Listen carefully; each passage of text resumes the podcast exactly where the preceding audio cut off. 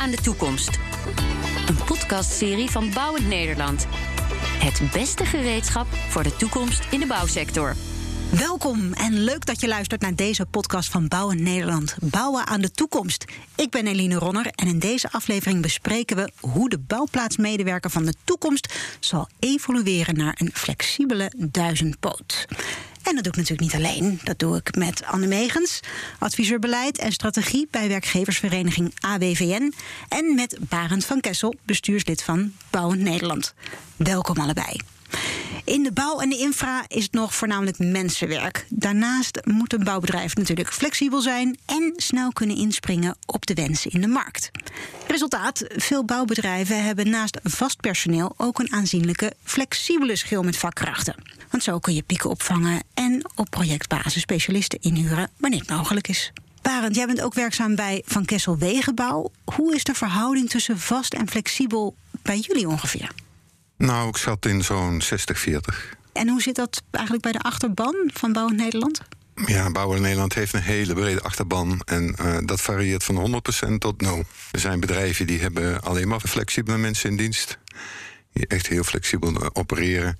En er zijn bedrijven, echte vakspecialisten, die hebben pure vaste medewerkers. En wat, wat beïnvloedt nou die verhouding, vast en flexibel? Dat is heel moeilijk te zeggen. Kijk, dat heeft verschillende factoren. Het zal zeker niet uh, in de eerste plaats de kostprijs zijn, maar meer het feit dat je moet zien dat je je werk gemaakt kunt krijgen op het moment dat het gevraagd wordt. En voor een gemiddeld bedrijf, hè, laten we nu maar even zeggen van uh, nemen nu een standaard ik noem maar een wegenbouwbedrijf. Daar is de ordestroom heel verschillend over het hele jaar. Dus je kunt niet van tevoren niet zeggen hoeveel werk er binnenkomt. Kijk, als ik een, een, een tandpasta-fabriek heb, dan weet ik hoeveel tubes tandpasta je kan maken per maand. En ik weet ook ongeveer hoeveel ik al kan verkopen. Maar voor ons is dat anders. Uh, de bouw, ik uh, vergelijk het wel eens met een, een rondreizend circus. Wij zetten ergens onze tent op, we doen ons kunstje gaan we weg naar het volgende project. Maar ik kan me voorstellen dat in ieder geval de laatste decennia natuurlijk wel die schil aan, aan vakkrachten in de bouw steeds flexibeler is, uh, is geworden. Anne, Klopt. hoe kijk jij eigenlijk aan tegen die behoefte van, een flexibilisering vanuit werkgevers? Nou, het is een hele brede behoefte. Natuurlijk, de bouw is bij uitstek een sector waarin je die veranderlijkheid heel erg ziet. En de behoefte van bedrijven om snel te kunnen inspelen op een piek in de vraag, maar ook uh, in, op een dal, als er wat minder werk voorhanden is. Uh, dus de bouw is daar wel een beetje een voorloper in. Maar als je over de hele economie kijkt, zie je eigenlijk wel hetzelfde patroon. De behoefte aan wendbaarheid bij bedrijven. Um, en dat heeft te maken met inderdaad die, die pieken en die dalen waar bedrijven mee te maken hebben. En dat die uitschieters en de snelheid waarmee dat patroon verandert, toeneemt. Omdat we een open economie zijn, een globale economie, waarin een, iets wat aan de andere kant van de wereld gebeurt, kan invloed hebben hier om de hoek bij een bedrijf dat een dienst aanbiedt of een product maakt. Nou, de coronacrisis heeft dat natuurlijk uh, helemaal laten zien dat een virus wat ergens op een markt in China uh, heeft, uh, is, is ontstaan, is verspreid, dat dat hier nu een gigantische impact heeft. En dat is hoe de economie werkt. Ja, hey, en hoe, hoe kijk je dan naar de toekomst? Hoe denk je dat de behoefte aan flex zich dan gaat uh, ontwikkelen? Nou, de behoefte aan wendbaarheid zal blijven bestaan. Overigens niet alleen bij bedrijven, maar ook bij medewerkers. Die hebben ook steeds meer behoefte aan uh, hun arbeidsomvang kunnen aanpassen aan wat ze bijvoorbeeld in hun privéleven ook nog allemaal moeten doen. Um, dus die behoefte aan wendbaarheid neemt uh, toe, blijft stijgen. Maar de vraag is wel of dat altijd alleen maar met flexibele contracten moet worden opgelost. Dat is één van de manieren om op wendbaarheid in te spelen. Je kan natuurlijk ook zoeken naar manieren om binnen je vaste personeelsbestand bijvoorbeeld meer flexibiliteit te creëren. Dus dit, dit, uh, het aantal flexcontracten dat toeneemt, is wel een gevolg van die wendbaarheid, maar het is niet de enige oplossing. Nee, want wat zijn er nog meer voor oplossingen om toch wendbaarder te worden als uh, werkgever? Nou, je hebt heel wat knoppen om aan te draaien, ook met je vaste personeelsbestand, dus mensen met een vaste arbeidsovereenkomst.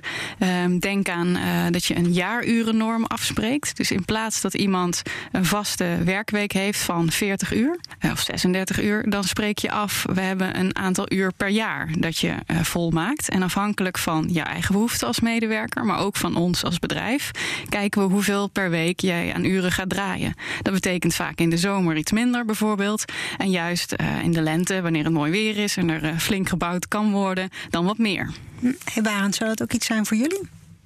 Nou, sterker nog, uh, kijk, ik ben het helemaal eens hoor met het feit dat we moeten proberen om de interne wendbaarheid zo groot mogelijk te maken. Want daarmee kun je zorgen dat de mensen zo lang mogelijk op hun plek blijven, of in ieder geval hun werk kunnen blijven doen.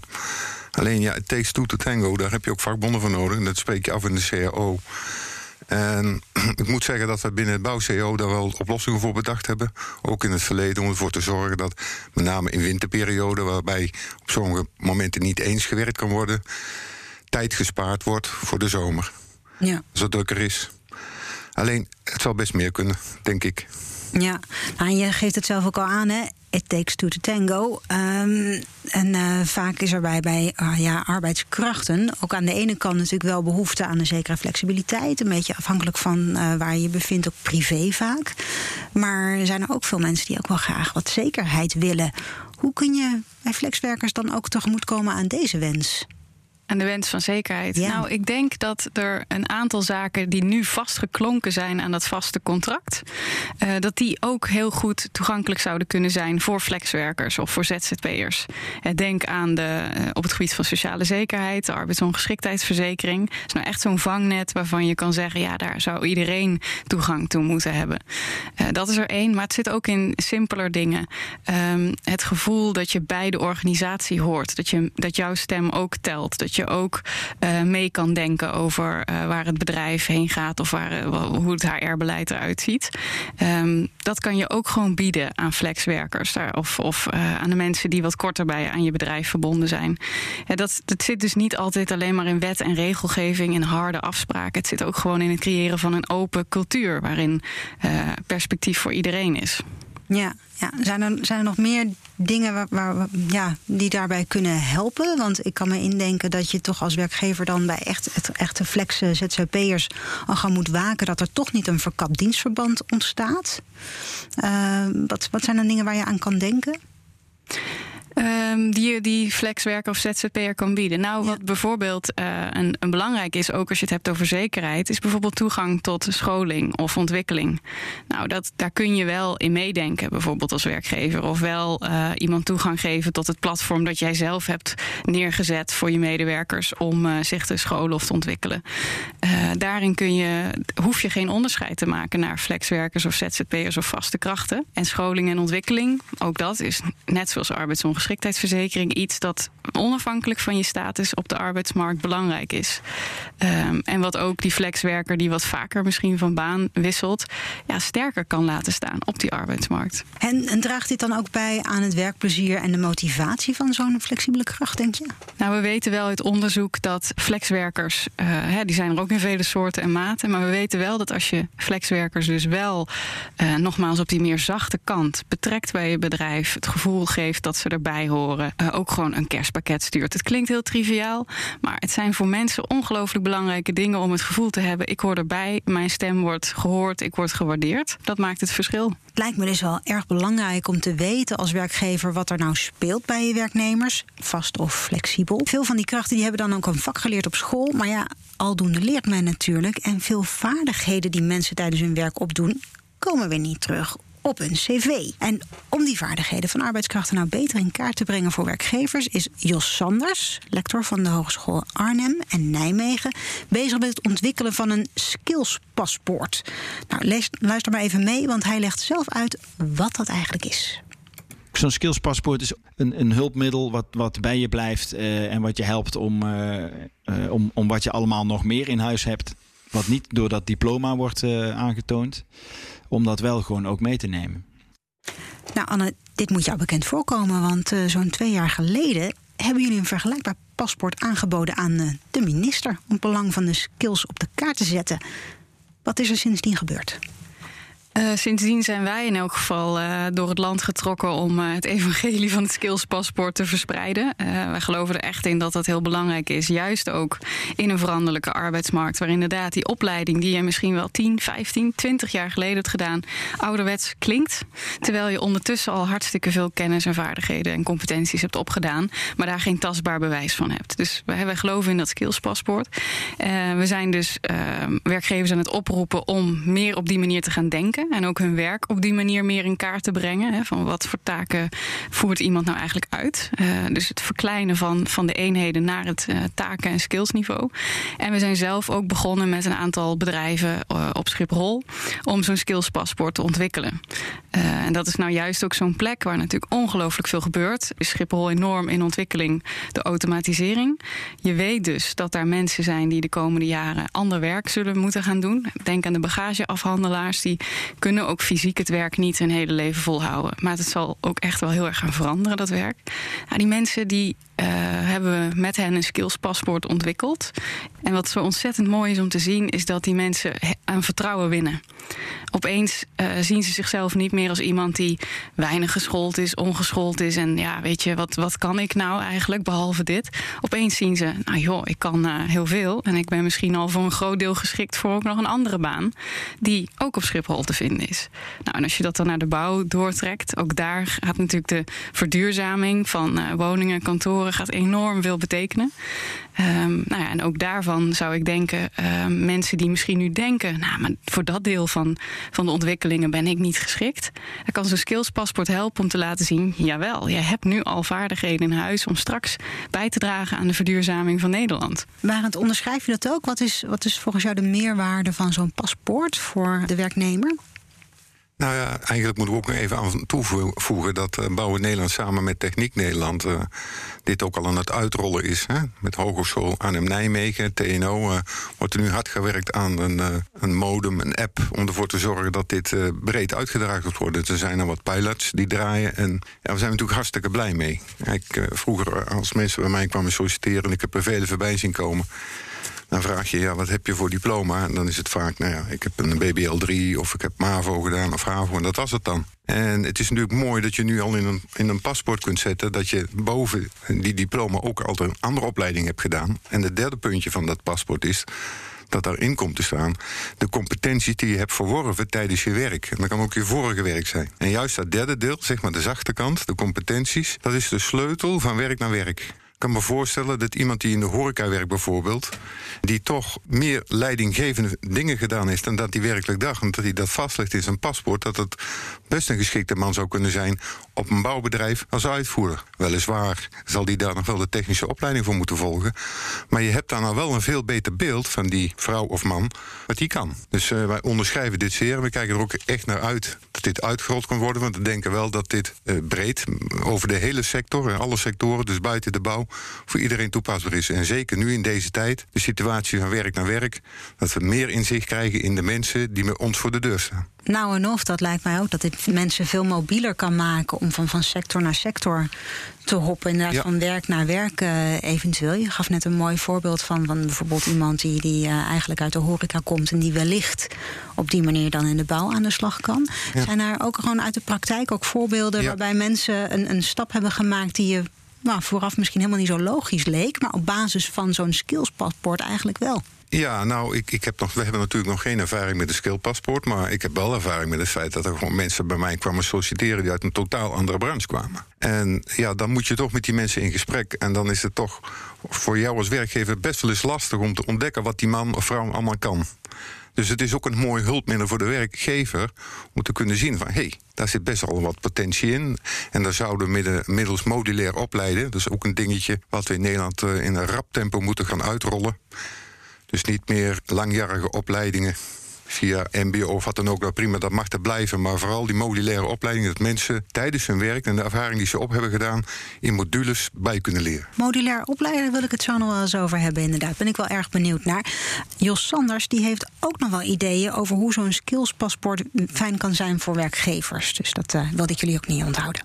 De arbeidsmarkt is in dat opzicht ook wel redelijk versnipperd en verkokerd. En die combinaties van profielen en de matching daarop door bij medewerkers te kijken naar in hoeverre ze eigenlijk in termen van skills op die profielen matchen. In plaats van op, om in termen van een, beroeps, een beroepsopleiding of een branchekwalificatie. Het maakt het wel mogelijk om daar iets creatiever mee om te gaan. En wat flexibeler mee, mee om te springen. En daarin misschien ook wel wat meer samen te werken. Ja, hij hint er ook al een klein beetje op. Hè? Die combinatie ook met opleidingen en zo'n skillspaspoort. Ja. Is dat wat jullie betreft eigenlijk de, de, de gouden weg om een flexibele duizendpoot te worden? Nou ja, ik vind dat je daarmee op moet passen. Ik denk, uh, het zou mooi zijn als we door middel van uh, deze techniek die nu ontwikkeld wordt, uh, dat we nog meer kijk krijgen op de arbeidsmarkt en het arbeidspotentieel wat er is. Ik, uh, ik, pleit hier nogmaals dat ook de bouw moeilijke tijden doormaakt. Ik bedoel, zou jullie niet ontgaan zijn dat wij met name met stikstof en andere zaken best wel uh, wat remmingen hebben. Maar ik kan er ook gelijk bij zeggen dat wij uh, de grootste bouwopgave hebben sinds de Tweede Wereldoorlog. En dan zullen we met z'n allen met de schouders onder moeten gaan staan. En daar hebben wij gewoon goed opgeleide mensen voor nodig. En daar hebben wij ook mensen voor nodig die weliswaar nog niet helemaal goed opgeleid zijn, maar wel gemotiveerd. En kan daar dan het modulair opleiden misschien een ja, rol in spelen? 100% Vertel me daar eens wat meer over. Um, ik denk dat het, van, het moet altijd vanuit de basis van de werknemer gaat. Waar is de werknemer in geïnteresseerd en wat kan die goed? En waar wil die zich verder in ontwikkelen? Dus daar zou je modules voor kunnen ontwikkelen die niet jaren gaan duren, maar die in een korte periode jou op een volgend level brengen. Vervolgens wordt dat toegevoegd aan je skillspaspoort en je hebt alweer een stapje verder. En ik ben het eens met het feit dat, dat werknemers ontzettend veel zelfvertrouwen geeft. Want moet helaas uh, erkennen dat dat binnen de bouw en de mensen waar wij mee werken, met name op het, wat, zeg maar op het bouwplaatspersoneel, best wel aan de lage kant is. Die mensen hebben niet het idee dat ze ja, zeg maar, lerend zijn. Het is toch, zijn toch meer jongens die met de handen werken, die graag buiten willen zijn, maar wel een kopje verstand hebben. Ja, er ligt volgens mij ook een enorme opgave dat wij nog steeds het voor elkaar krijgen dat heel veel mensen, als ze van school afkomen, een uh, vreselijk gevoel uh, houden bij leren. He, die klas, het diploma, die docent, hoe dat helemaal gaat, dat hele systeem, hoe we dat in hebben gericht, dat slaat echt de leergierig uit, uit mensen, uit een deel van de mensen in elk geval. Terwijl we weten dat later in een loopbaan dat leren echt niet verdwijnt. Dus ik vind ook wel dat we kritisch moeten kijken naar hoe, hoe, hoe ons onderwijs is ingericht. En hoe we ook voor de mensen die inderdaad liever met hun handen werken dan alleen maar met hun hoofd, dat we het ook leuk en aantrekkelijk kunnen maken. Dat je dan misschien ja, alleen een certificaat zou kunnen halen. Dat je gewoon een nou. soort, soort meestersproef doet op basis van alles dat je al op de bouwplaats al hebt opgedaan aan, aan kennis en aan vaardigheden. Het is niet zo dat, dat dat nog niet is. Hè? We hebben al zulke soort dingen binnen de bouw. We hebben verschillende soorten uh, opleidingen die één of twee dagen duren, of wat langer, of wat korter. Dus het is er al, maar het moet eigenlijk nog veel meer. En het zal uitgebreid moeten worden, juist naar die mensen die de bouw in willen stromen. Ja, nogmaals, uh, daar hebben we het onderwijs bij nodig. En we weten dat dat ook voor het onderwijs geen makkelijke is, want die moeten zich dan ook flexibel gaan opstellen. En ja, dat is wel eens lastig. En ja, die ZZP'er die je dan echt bij je bedrijf moet betrekken. Nou, volgens de wetgeving is het een zelfstandige zonder personeel. En als ik hem een jasje geef met, zijn, met onze naam erop, dan wordt hij al gezien als personeel van mij. En dan heb ik al een probleem. Dus wij worden ook op afstand gezet door de wetgeving. Hè? We Ja, moeten gewoon klopt. accepteren. We moeten accepteren dat ZZP'ers, en ik ken heel veel gelukkige ZZP'ers, zijn allemaal topspecialisten die dagelijks voor ons aan het werk zijn, die het leuk vinden om bij Van Kessel te werken. Die hun specialisme tentoonspreiden en die gewoon gebroedelijk met de andere jongens en meiden omgaat. Maar het is wel een zelfstandige. Ja, dat is nog de andere gekozen. kant hè, van het verhaal dat onze arbeidswetgeving nog eh, heel erg gefixeerd is op proberen dat onderscheid te maken tussen ZZP'ers en werknemers. En dat komt omdat er een deel van de ZZP'ers is dat dat, nou ja, waar je van kan afvragen, zijn dat wel echte ZZP'ers. Maar in de strijd daartegen gaat dus de ZZP'er die daar bewust voor kiest en die ook gewoon een fatsoenlijk tarief eh, ontvangt en nou, gewoon he- prima zijn werk doet, die krijgt ook te maken met die muur van weerstand. Toon maar eens aan dat je een ZZP'er bent. En inderdaad, doe maar niet dat jasje aan. Want voor je het weet word je voor werknemer versleten terwijl je dat echt niet bent. En zeker op een bouwplaats is het natuurlijk ongelooflijk moeilijk om dat onderscheid te maken. Dus ook die, die, die, die excessen die er zijn in de ZZP-markt. Niet zo omvangrijk als wel eens wordt geschetst, maar ze zijn er. Als we dat hebben opgelost, dan kunnen we ook die, die reflex van hè, proberen steeds maar weer: is het een ZZP'er, is het een werknemer? Kunnen we dan ook een beetje loslaten? En ZZP'ers ook gewoon wat meer kansen bieden om inderdaad gewoon mee te draaien in je bedrijf. Zonder dat het de hele tijd gaat over die vraag: ben je wel echt? Ja, ja, ik denk wel eens misschien moeten we toe naar een nieuw soort eh, arbeidskracht die geen eh, zelfstandig ondernemer is, maar ook geen werknemer, maar de, de ouderwetse ja, freelancer zou ik bijna willen zeggen. Iemand die zijn arbeid zeg maar, verhuurt aan verschillende mensen, die daar een beetje tussenin hangt, die ook nooit helemaal geen ambitie heeft om, om te groeien of om op een gegeven moment personeel te krijgen. Omdat wij vroeger dagloners die in de landbouw gewoon per dag werkten en per dag betaald werden. Maar ik denk dat we daar niet meer naar terug gaan. Ik denk alleen dat eh, er zijn al heel wat commissies die hun hoofd gebogen hebben over het feit wat is nou het fenomeen ZZP en hoe kunnen we het bestrijden of hoe kunnen we het bevorderen. Maar ik denk die discussie die is eigenlijk sinds 2013 met het afsluiten van een nieuw sociaal akkoord in alle hevigheid uh, gaan groeien, zeg maar. Toen, werd eigenlijk, toen was eigenlijk het credo: we maken flex minder flex en vast minder vast. En ik denk dat we tot op heden daar op beide plekken niet echt in geslaagd zijn. Dood om simpele feit dat we ja, te veel stempels gezet hebben op bepaalde personen. En zoals ik het, als ik het in de praktijk schets, en dan zeg ik het nogmaals, die ZZP'er die, die, die bij ons werkt, die werkt niet bij mij omdat hij goedkoper is. Die werkt bij mij omdat hij zijn vak verstaat. En ik mm. heb zo iemand nodig, maar niet het hele jaar. Er zijn bepaalde werkzaamheden die wij moeten doen, die maar drie of vier of vijf of zes keer per jaar voorkomen. Daar heb ik die man voor nodig of die vrouw. Ja, ik onderscheid wel eens hè, de drie varianten voor flex of ZZP: piek, ziek en uniek. En dit gaat heel duidelijk over uniek. Unieke skills, unieke specialiteit. En daar moet het gewoon voor mogelijk zijn om een ZZP'er in te huren. En het is heel jammer dat bedrijven daar nu uh, ja, in de knel raken, omdat ze bang zijn van. Hè, uh, krijg ik straks uh, een reprimande. Omdat ik moet aantonen dat het een werknemer is. Het is natuurlijk, nu wordt het niet gehandhaafd, maar dat hangt wel de hele tijd boven de markt. Dus hier moeten we gewoon iets aan doen de komende jaren. Ik vind het wel een mooie wat je inderdaad zegt: piek, ziek en uniek. Ja. ja nee, waarbij piek en ziek, ja, dat heeft te maken met, uh, met inderdaad geld en, en de pieken en de dalen in, in productie. En inderdaad uniek unieke skills. Ga even terug naar dat skillspaspoort hoor. Want uh, dat kan misschien ook juist wel een rol spelen in de duurzame inzetbaarheid van mensen. Want uh, nou, jullie hadden het ook al over mensen die echt, uh, echt met hun handen werken. Dat is vaak ook gewoon fysiek zwaar werk. Dat zie ik mensen niet doen tot hun 65ste, 67ste. Of niet altijd. zou zo'n skillspaspoort ook een rol kunnen spelen aan bij het langer kunnen blijven werken, de duurzame inzetbaarheid?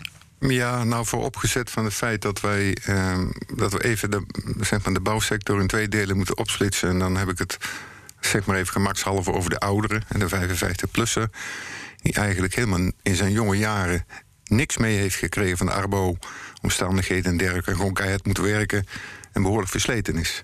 Maar als ik kijk naar onze jonge groep mensen... en als ik zie hoe dat die op dit moment hun werk doen... die kunnen dat uh, heel goed volhouden. Dat is geen enkel probleem. We hebben daar allerhande hulpmiddelen voor. We hebben er allerhande programma's voor. En ze zeggen het zelf ook. Ze zijn hartstikke blij natuurlijk dat dat er is. Dus we hoeven ons daarin niet zoveel zorgen te maken, denk ik. Ik denk wel dat we een oplossing moeten zoeken voor die ouderen. Gelukkig hebben we daar nu binnen het CEO ook een oplossing voor bedacht. Om uh, ja, die mensen die echt niet meer kunnen... en dat is toch het sprekend plaatje wat je altijd in de krant ziet... van die stratenmaker van 60 op zijn knieën of 67. Ja, dat wil eigenlijk niemand. En we moeten gewoon zorgen dat die mensen op een fatsoenlijke manier van hun oude dag kunnen genieten. En dat we waarderen wat ze voor ons gedaan hebben. Maar wel wezen, die waardering die, uh, die bouwjongens verdienen, die is soms wel eens onderbelicht. En dat is misschien in salaris, maar heeft ook alles te maken met het feit dat dat in Nederland eh, de laatste jaren, uh, ja, ik noem dat altijd de wig, de, kosten tussen bruto en netto, dat die steeds verder uit, uiteenlopen. Dat is één ding. En ja, en het wordt toch gezien als, uh, ja, wie gaat er nou buiten in de regen staan?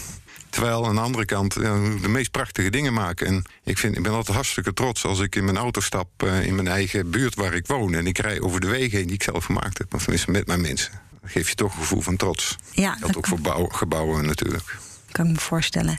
En er liggen natuurlijk ook al specifieke rollen vast uh, bij het invoeren van zo'n skill, skillspaspoort. Uh, met name de overheid zal hier dan ook wel een rol in, uh, in moeten nemen. Jazeker. Hoe zien jullie dit eigenlijk? Moet zo'n paspoort dan opgenomen worden in een eh, CAO? Of wat, hoe zouden we dat het beste kunnen doen?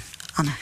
Nou, wat, nu een beetje, wat je nu ziet is duizend bloemen bloeien. Dus elke sector, bedrijf die er interesse in heeft, begint zelf iets. En dat is in deze fase heel erg mooi. Maar op een gegeven moment moeten we natuurlijk wel een gezamenlijke taal in eerste instantie hebben. En ontologie noemen ze dat ook wel, met een, duur woord. Um, we moeten een gemeenschappelijke taal hebben in Nederland. Wat bedoelen we dan precies met uh, sociaal waardig zijn? Of uh, assertief, of nou, noem maar op. Hè. Dat, dat, moeten we vastleggen. En ik denk dat de overheid daar wel een regierol in moet uh, vervullen.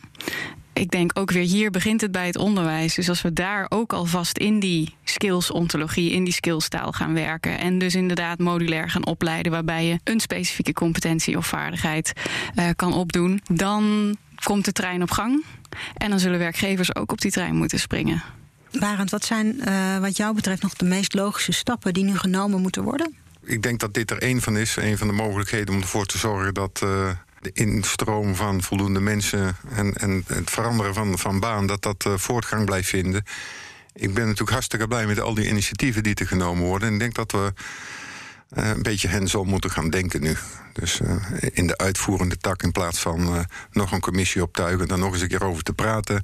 En gewoon eens aan de gang moeten met die pilots en ervoor zorgen de nood is ook een beetje aan de man. Hè? Ik bedoel, aan de ene kant zie ik dat er een tekort aan personeel in de bouw is. Aan de andere kant zie ik dat horeca een evenement, hoe erg ik het ook vind. Want ik bedoel, iedereen die gaat graag naar zijn café en zijn restaurant dat dat ja, mogelijk in de, in de nabije toekomst wel eens heel vervelend kon worden voor al die mensen. En daar zullen we toch een oplossing voor moeten bedenken. Dus er is ook best wel een beetje haast bij geboden. En laten we dan vooral kijken naar de dingen die werken, in plaats van de dingen die niet werken. Ja, want in die zin signaleer je inderdaad, uh, Barend, wel wel frictie. Hè? Ik hoor, ja, in de bouw uh, zoeken we nog mensen, maar aan de andere kant in de horeca, uh, daar, daar komen steeds meer mensen op straat.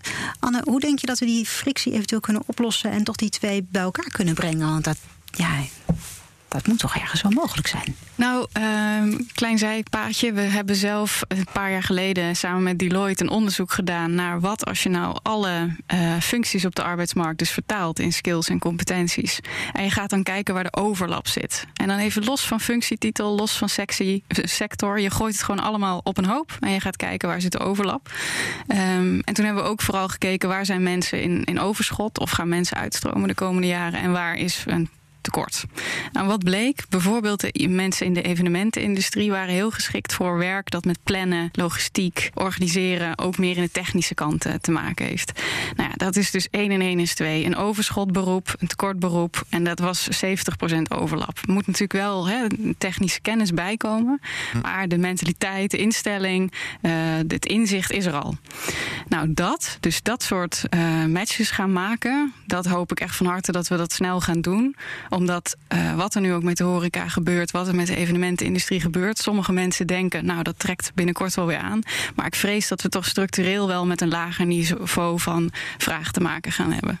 Dus het zou ontzettend zonde zijn en ook voor die mensen gigantisch demotiverend als we ze gewoon maar op de bank laten zitten. Uh, en inderdaad, uh, wat al gezegd wordt in de bouw, maar ook in de techniek, is krapte. Dat wordt nu verdoezeld door de crisis, maar die krapte die komt straks in vliegende vaart weer terug. En er liggen dus kansen, hoor ik. Ben jij het daarmee eens, Barend? Zeker, ben ik het zeker mee eens. En uh, we, zullen het ook, zeker als Bouw in Nederland, we hebben echt wel breed programma's weggezet. Ook om de mensen te enthousiasmeren om in de bouw te komen. Maar nogmaals, het is ook wel fijn dat die afstand van. Uh, van de ene beroepstak naar de andere beroepstak wat verkleind wordt. Dus dat wil zeggen dat je wat meer inzicht krijgt in wat die werknemer kan. En die werknemer misschien ook wat meer inzicht krijgt wat het bedrijf doet. Hè? Want ook wij als bouw zullen ons meer moeten naar buiten toe moeten gaan en te laten zien wat we aan het doen zijn. We zijn daar ook heel druk mee, maar dat moet je wel blijven volhouden. Dat kan ik me, kan ik me indenken. En, en dan kunnen er zomaar eens gewoon hele mooie, onverwachte matches uh, ontstaan. En daarmee zijn we alweer aan het einde gekomen van deze podcast uit de serie Bouwen aan de toekomst van Bouwend Nederland. Bedankt, Anne Megers, zoals ik al zei, adviseur beleid en strategie bij de ABVN. En Barend van Kessel, ondernemer bij Grond, Weg en Waterbouw en bestuurslid bij Bouwend Nederland. Beluister deze en andere podcasts van de serie Bouwen aan de Toekomst op bouwendnederland.nl slash bouwmeesters of ga naar de BNR-app of de BNR-website. Meer over de ontwikkelingen in de bouwsector en andere afleveringen in deze podcastserie staan voor je klaar op bouwendnederland.nl slash podcast.